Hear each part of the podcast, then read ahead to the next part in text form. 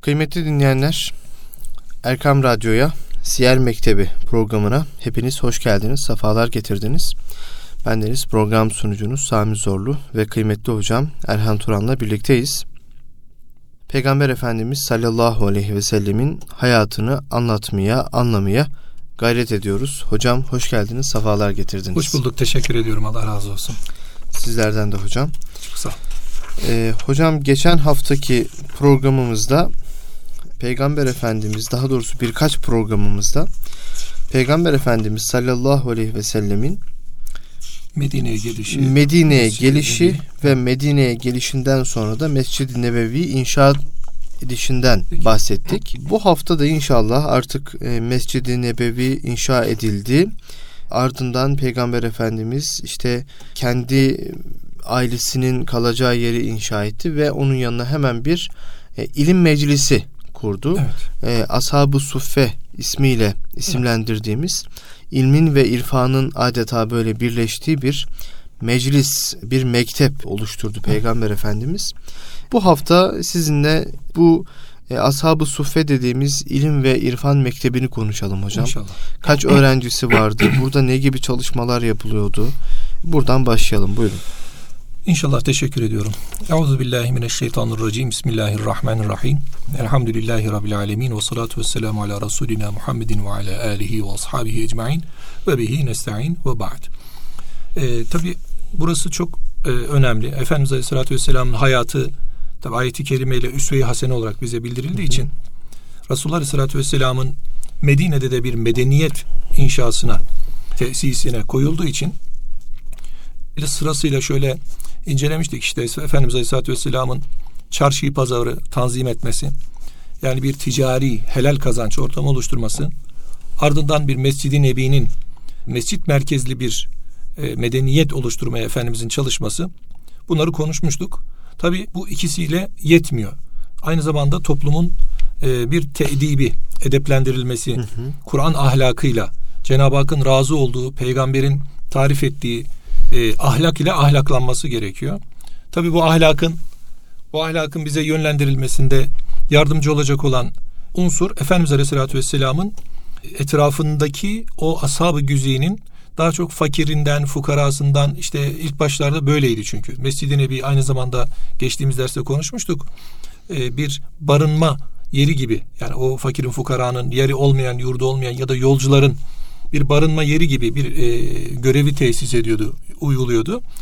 Tabi bundan sonra Efendimiz Müslümanlar var. Müslümanlar Medine'de de kalabalıklaşıyorlar. Aynı zamanda Medine dışında da insanlar hidayete geliyor ve Müslümanlığı kabul ediyorlar. Bu insanlara da ilim öğretecek, bu insanlara da İslam'ı öğretecek, bu hı hı. insanlara da numune imtisal olacak. O örnek şahsiyetleri e, yetiştirme kaygısına da düştü Resulullah Aleyhisselatü Vesselam. Mescid-i Nebi'yi inşa ederken kendi hane-i saadeti de Mescid-i Nebi'nin hemen içerisinde olduğu için sahabe-i güzin efendilerimizden buna yatkın olan, bununla beraber kendini buna vakfeden e, kimseleri vardı. Onlar e, Efendimiz Aleyhisselatü Vesselam'la 7-24 diyelim günümüz ifadesiyle hı hı. yani geceli gündüzlü, seherli sabahlı Resulullah Aleyhisselatü Vesselam ile birlikte hem oturuyorlardı, hem kalkıyorlardı, hem yiyorlardı, hem içiyorlardı, hem Allah Resulü'nü Kur'an'ın nüzulüne şahit oluyorlardı, hem Efendimizin sünnetlerine şahit oluyorlardı. Yani aslında bir ilim meclisi oluşmuştu. Peygamber Efendimiz Aleyhisselatü Vesselam'ın hem ilme hem ilimle uğraşan o ilmi öğrenmiş olan alim şahsiyete hem de ilim yolunda yürüyen o genç insanlara böyle bir iltifatı var. Evveli tabi peygamberimizin ilk e, kıble tayin edildiğinde hı hı. geçtiğimiz derste söylediğimiz gibi fevelli veceke şetral mescidil haram ayeti gelmeden önce tabi Kabe'ye döndürülmeden önce Efendimizin kıblegahı Mescid-i Aksa tarafıydı. Oraya bir gölgelik yapmışlardı Efendimiz için. E, bu gölgelik altında başladı.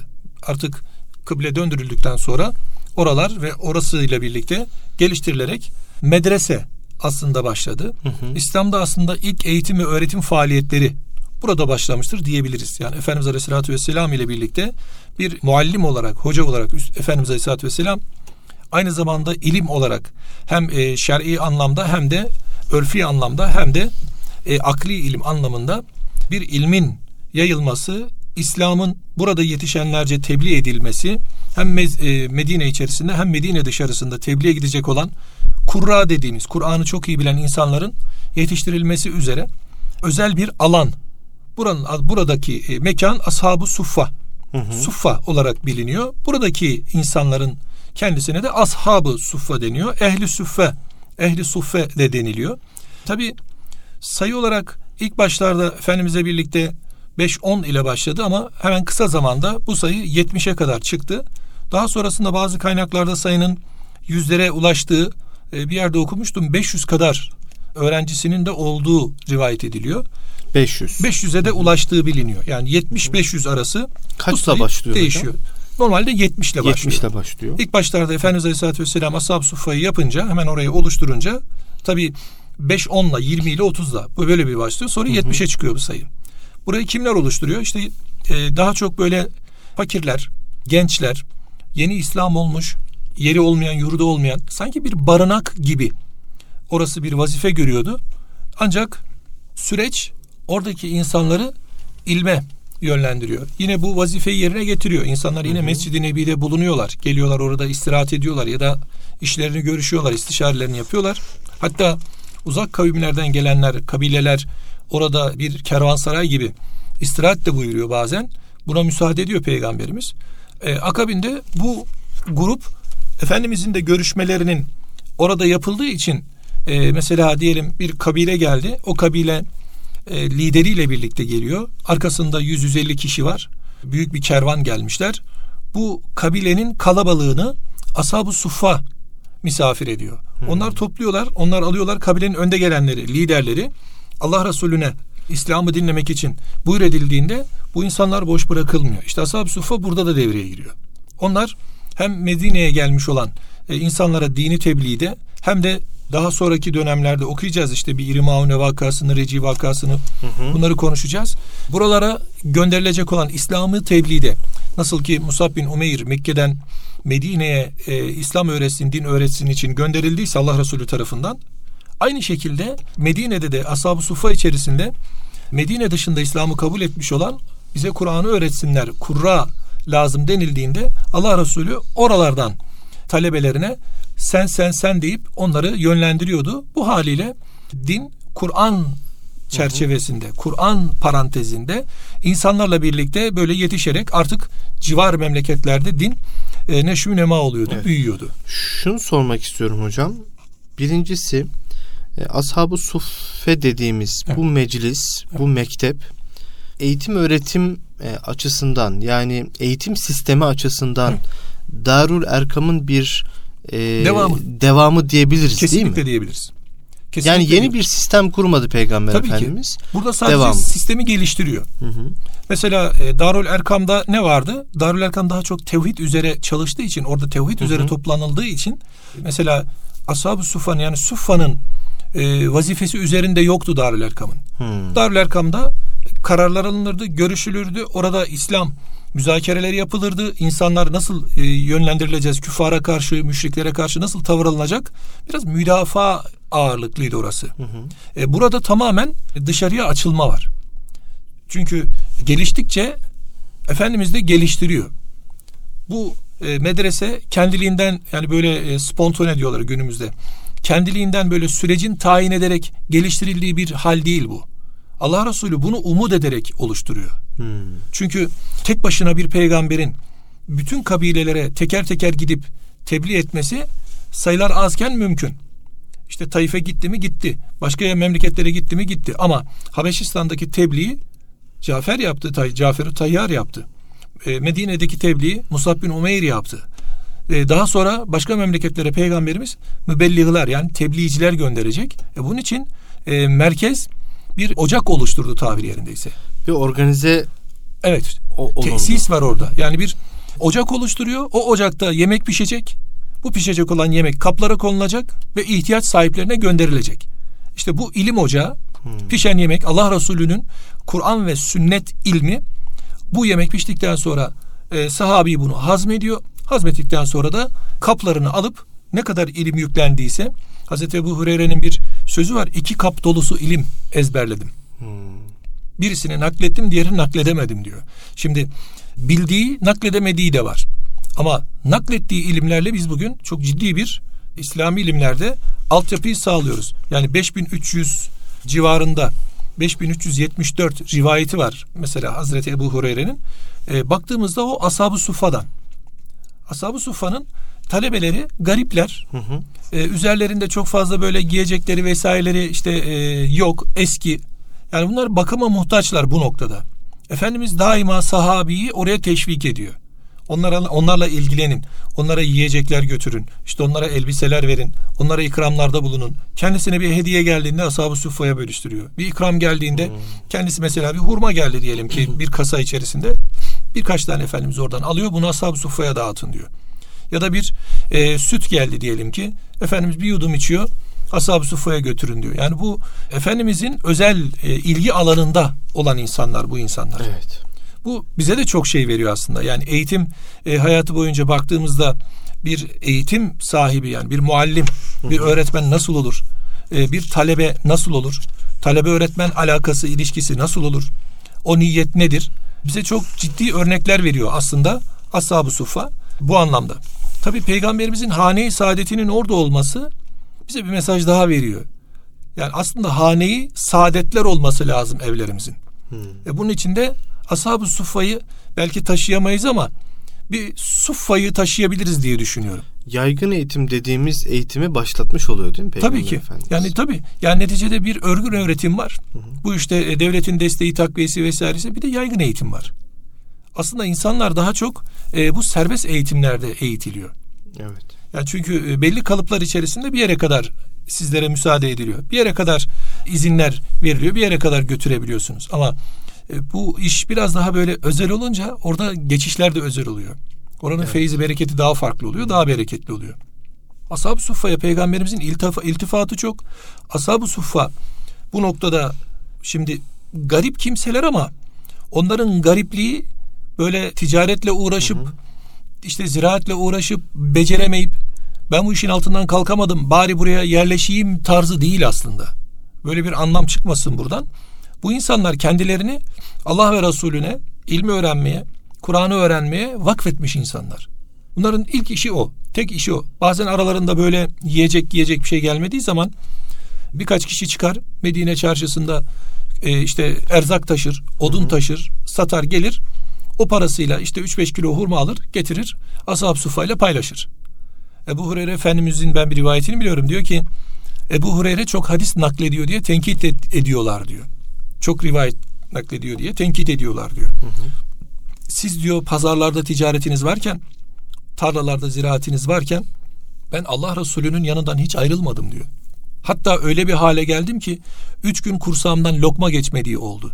Hatta öyle de hale geldim ki Resulullah'ın oluşturulmuş olduğu ders halkasında açlıktan bayılıp önüne yuvarlandığımı bilirim. Hı hı. Bazen bir hurma parçası getirirlerdi. Efendimiz onu biraz çiğneyip ağzıma sokardı. Azıcık böyle gözlerim açılmaya başlayınca tekrar dizimin üstüne çöker Resulullah'ı takip ederdim buyuruyor. Yani bu bir niyet işi aslında.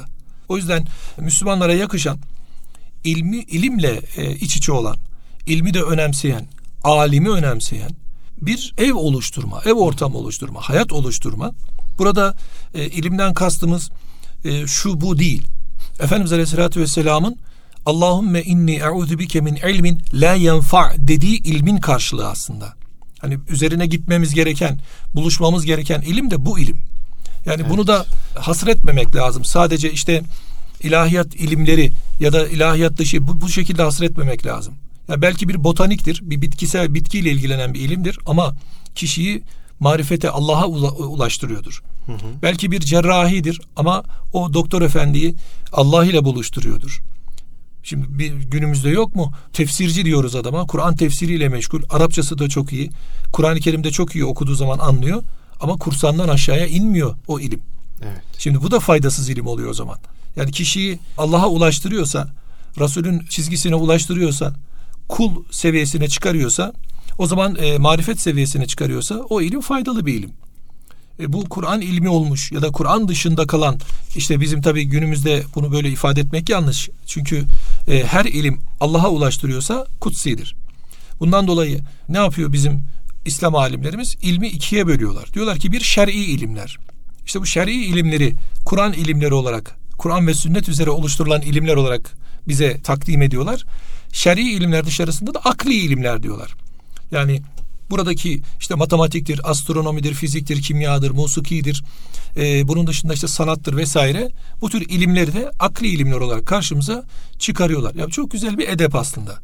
Evet. O zaman ilmin ve ilim öğrenmenin peygamber mirası olduğunun farkına varmak lazım. Çünkü Resulullah Aleyhisselatü Vesselam peygamberler miras bırakmazlar buyuruyor. Onların mirası ilim. Kur'an onların mirası, kitap onların mirası, vahiy onların mirası. E o zaman alim kişi yani bu işe soyunmuş olan ben öğreneceğim diyen kişi bu mirasa talip olan kişi demektir. O yüzden bizde ilim talibi denir. İlmi talep eden, isteyen kimseye talip denir, talebe denir. Bu da mahiyet yitirmeye başladı. Tabi Allahü Teala bu ashab-ı suffa üzerinden işte bazı ayetlerde Enam suresinde yine baktığımızda işte e, Kehf suresinde ilme ve ilmin bize ulaştırdıklarına ve bu işin nasıl olduğuna, hı hı. ilim ehlinin nasıl durması gerektiğine iltifatları anlatıyor. Hatta müşriklerden bir topluluk Hazreti Peygamber'i ziyarete geldiğinde diyorlar ki biz seninle oturur konuşuruz. Biz seninle bir araya geliriz. Ama şu etrafındaki fakir kimseleri, ihtiyaç sahibi kimseleri, ashab sufadan bahsediyorlar yani. Bunlar evet. yanından uzaklaştır. Bunlar yanında olmasınlar dediğinde ayeti kerime Hazreti Allah'a, Hazreti Peygamber'e onların yanında olması gerektiğini söylüyor. Onların yanında. Bir de bunlar e, bu insanlar medediliyor. Mesela Kur'an e, biz biliriz İslam tarihinde hadislerle, e, ayetlerle dört halife mesela Hulefai Raşidin mededilir. Cennetle müjdelenen aşire-i mübeşşere mededilir. Bedir ashabı. Hı hı. Bir de Sufa ashabı methedilir. Evet. Burada e, aslında topluma çok büyük bir ders, bir örnek çıkıyor. O da insanların Allah'a ve peygamberine ulaştıracak olan ilmi öğrenmek için bir savyu gayreti gerekiyor.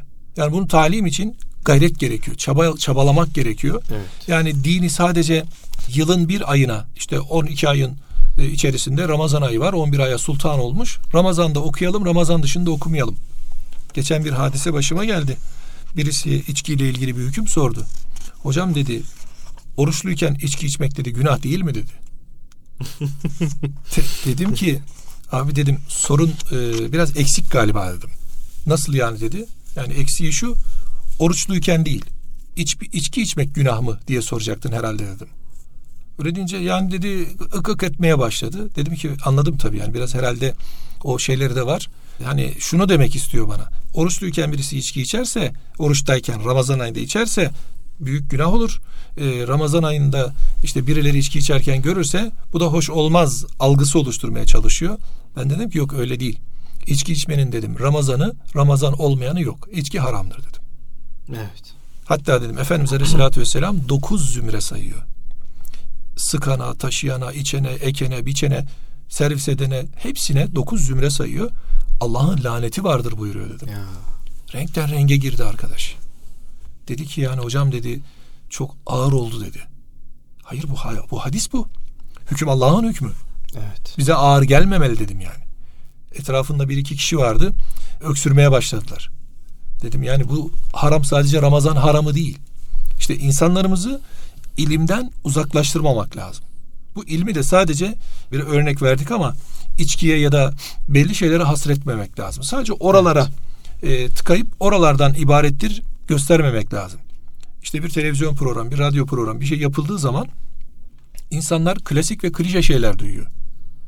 Bundan sonra dalga geçmeye başlıyorlar bizimle. Halbuki Kur'an-ı Kerim baştan sona kadar her zamana, her mekana ve her insana aklına hitap eden bir kitap. O zaman herkesin kendi okuması gerekiyor. Ehlinden de yardım istemesi gerekiyor. Evet. İşte o ehlinin adı işte Ashab-ı Suffe. Eyvallah. Bugün e, İslami ilimlerde e, ihtisas yapan işte bizler ve bizim gibi kardeşlerimiz, arkadaşlarımız, büyüklerimiz ellerinden geldiği kadar bir şeyler ortaya koymaya çalışıyorlar. Bakıyorsunuz yayın evleri var, işte bir sürü kitap basılıyor vesaire. Ama insanların buralara teveccüh etmesi gerekiyor. Evet. Hocam tam burada şunu sorsam. Tabii, Şimdi evet. Ashab-ı Sufe ile alakalı şöyle bir yorum okumuştum. Diyor ki Medine'ye hicretten önce Habeşistan'a hicret edildi. Evet. Ve Habeşistan'da devlet başkanı dahil Hı hı. Müslüman sayısı arttı. Müslüman devlet başkanı oldu ama orada bir İslam devleti kurulamadı. Evet. Ama Medine'ye geldikten sonra bir İslam devleti kuruldu. Evet. Bunun da sebebi kurulabilmesinin vesilesi diyelim ashab-ı suffedir. Çünkü orada az önce programımızın ta başından itibaren sonuna kadar bir aslında bir organize ümmeti Evet. konuşuyoruz. Kesinlikle. Organize olmuş bir Evet. ümmeti konuşuyoruz. Evet, rastgele Ee, değil. Medine'de bir İslam devletinin kurulmasının bir sistemin oturtturulabilmesinin sebebi ashab-ı suffedir diye bir yorum okudum. Yani ashab-ı suffenin varlığı orada bir İslam devletini oluşturmada e, organize bir ümmete neden oldu, sebebiyet verdi, vesile oldu ve bir İslam devleti kurulabildi. Hı hı. E, tabii ki İslam devletinin temelleri atılmıştı ama. Ashab-ı Suffe ile birlikte e, o temeller sağlamlaştırıldı. Buradan yola çıkarak günümüz Ashab-ı Suffeleri nasıl olmalıdır ki biz az önce bahsetmiş olduğunuz örnekten yola çıkarak hem ilmi hem Müslümanlığımızı böyle sadece belli başlı yerlerde e, kullanmayalım da bütün hayatımıza, bütün muamelatımıza yansıtalım. Nasıl olmalı hocam? Biraz bunu konuşsak. Hocam aslında bu çok geniş bir konu. Böyle 5-10 dakika içerisinde bilmiyorum ne kadar nabza şerbet verebiliriz bilmiyorum ama şunu söyleyeyim hocam. Birincisi ilim, alim, alim. Bunlar Cenab-ı Hakk'ın isimleri, sıfatları. Allah alimdir diyoruz mesela. Alimdir diyoruz mesela. İlim onun e, nezdinde olandır. Birincisi her şeyin başında muhabbet geliyor. Yani bu toplumun e, sevmesi gerekiyor. Şimdi ashab-ı suffa şöyle bir ifade düzelterek gidelim. İslam'ın Medine'de yerleşmesinde ya da Medine'de işte inkişafında rol oynamıştır desek bu daha isabetli olur. Yardımcı bir unsur doğru. Medine'nin e, inkişafı daha çok e, Allah Resulü'nü Allah Resulü'nün Medine'de olmasıyla da alakalı bir şey. Yani Allah Resulü Habeşistan'a hicret etseydi Habeşistan'da öyle olurdu. Hmm. Çünkü ashab-ı suffa özünü Resulullah'tan alıyor. Onlar da ondan besleniyor. Aynı ashab-ı suffa belli bölgelere gittiğinde oralarda Allah Resulü'nü temsil ediyor. Çünkü Hazreti Allah'ın bize o ayeti kerimedeki ibadi dediği, kulum dediği numune şahsiyet, örnek, belge, tablo neyse, silüet, e, neyse bunun adına ne diyeceklerse seyircilerimize, e, dinleyicilerimize bırakalım bu hadiseyi. Ama vaka şu, Peygamber Efendimiz Aleyhisselatü Vesselam Cenab-ı Hakk'ın kulum dediği abduhu onun tescilidir aslında. Biz abduhu ve rasuluhu derken önce Hazreti Peygamber'in e, Kur'an-ı Kerim'deki ibadi tescilini aldığını kabul etmiş oluyoruz. İşte o ubudiyeti, o abd olmayı, o kul olmayı Resulullah Aleyhisselatü Vesselam örnekliğinde biz göreceğiz. O da numuneleriyle oluyor. İşte oradaki ulema dediğimiz, Efendimizin verasatül enbiya dediği, peygamberlerin mirasçılarıdır dediği, oradaki ulemanın Efendimiz Aleyhisselatü Vesselam'ı özümsemesi, Kur'an-ı Kerim'i iyicece hazmetmesi ve ardından da sair memleketlere gidip oralarda devam ettirmesi tabi bir ayrı bir bereketi aldı. Peki günümüzde bu nasıl olur? Birincisi dedik ki muhabbet göstermek gerekiyor. Yani başta ilme, başta ilme, daha sonra bu ilmi ittihaz etmiş, edinmiş, bu iş için gecesini gündüzüne katmış alim ve ulema tayfasına, bu insanlara, bu işe gönül gönül vermiş Efendimizin hadis-i şerifiyle burayı açalım. Efendimiz buyuruyor ki ya öğrenen, öğreten olun ya öğrenen olun.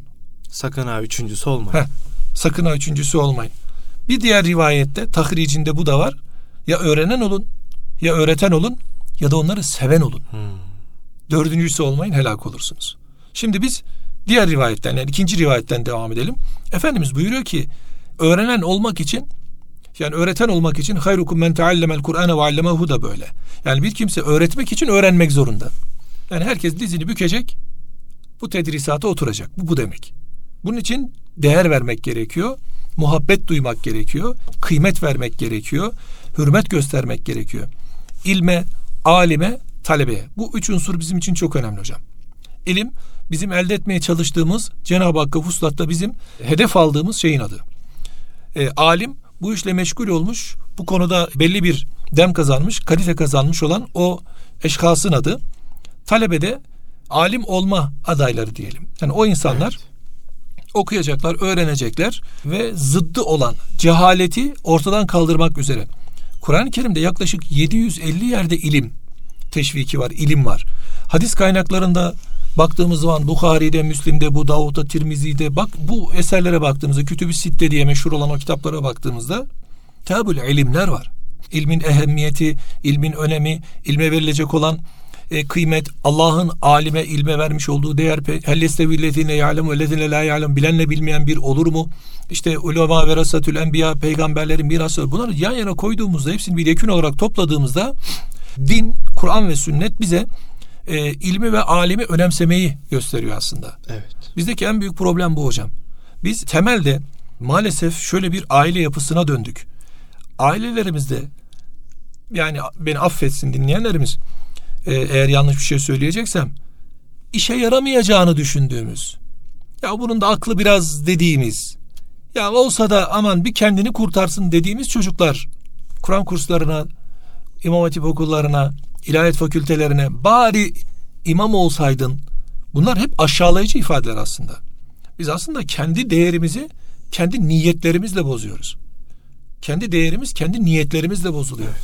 Halbuki o Allah'ın ilmi Allah'a ait olan o ilim öğrenilmesi için öğrenilsin diye en layıkına, en kabiliyetlisine, en maharetlisine tevdi edilmeli.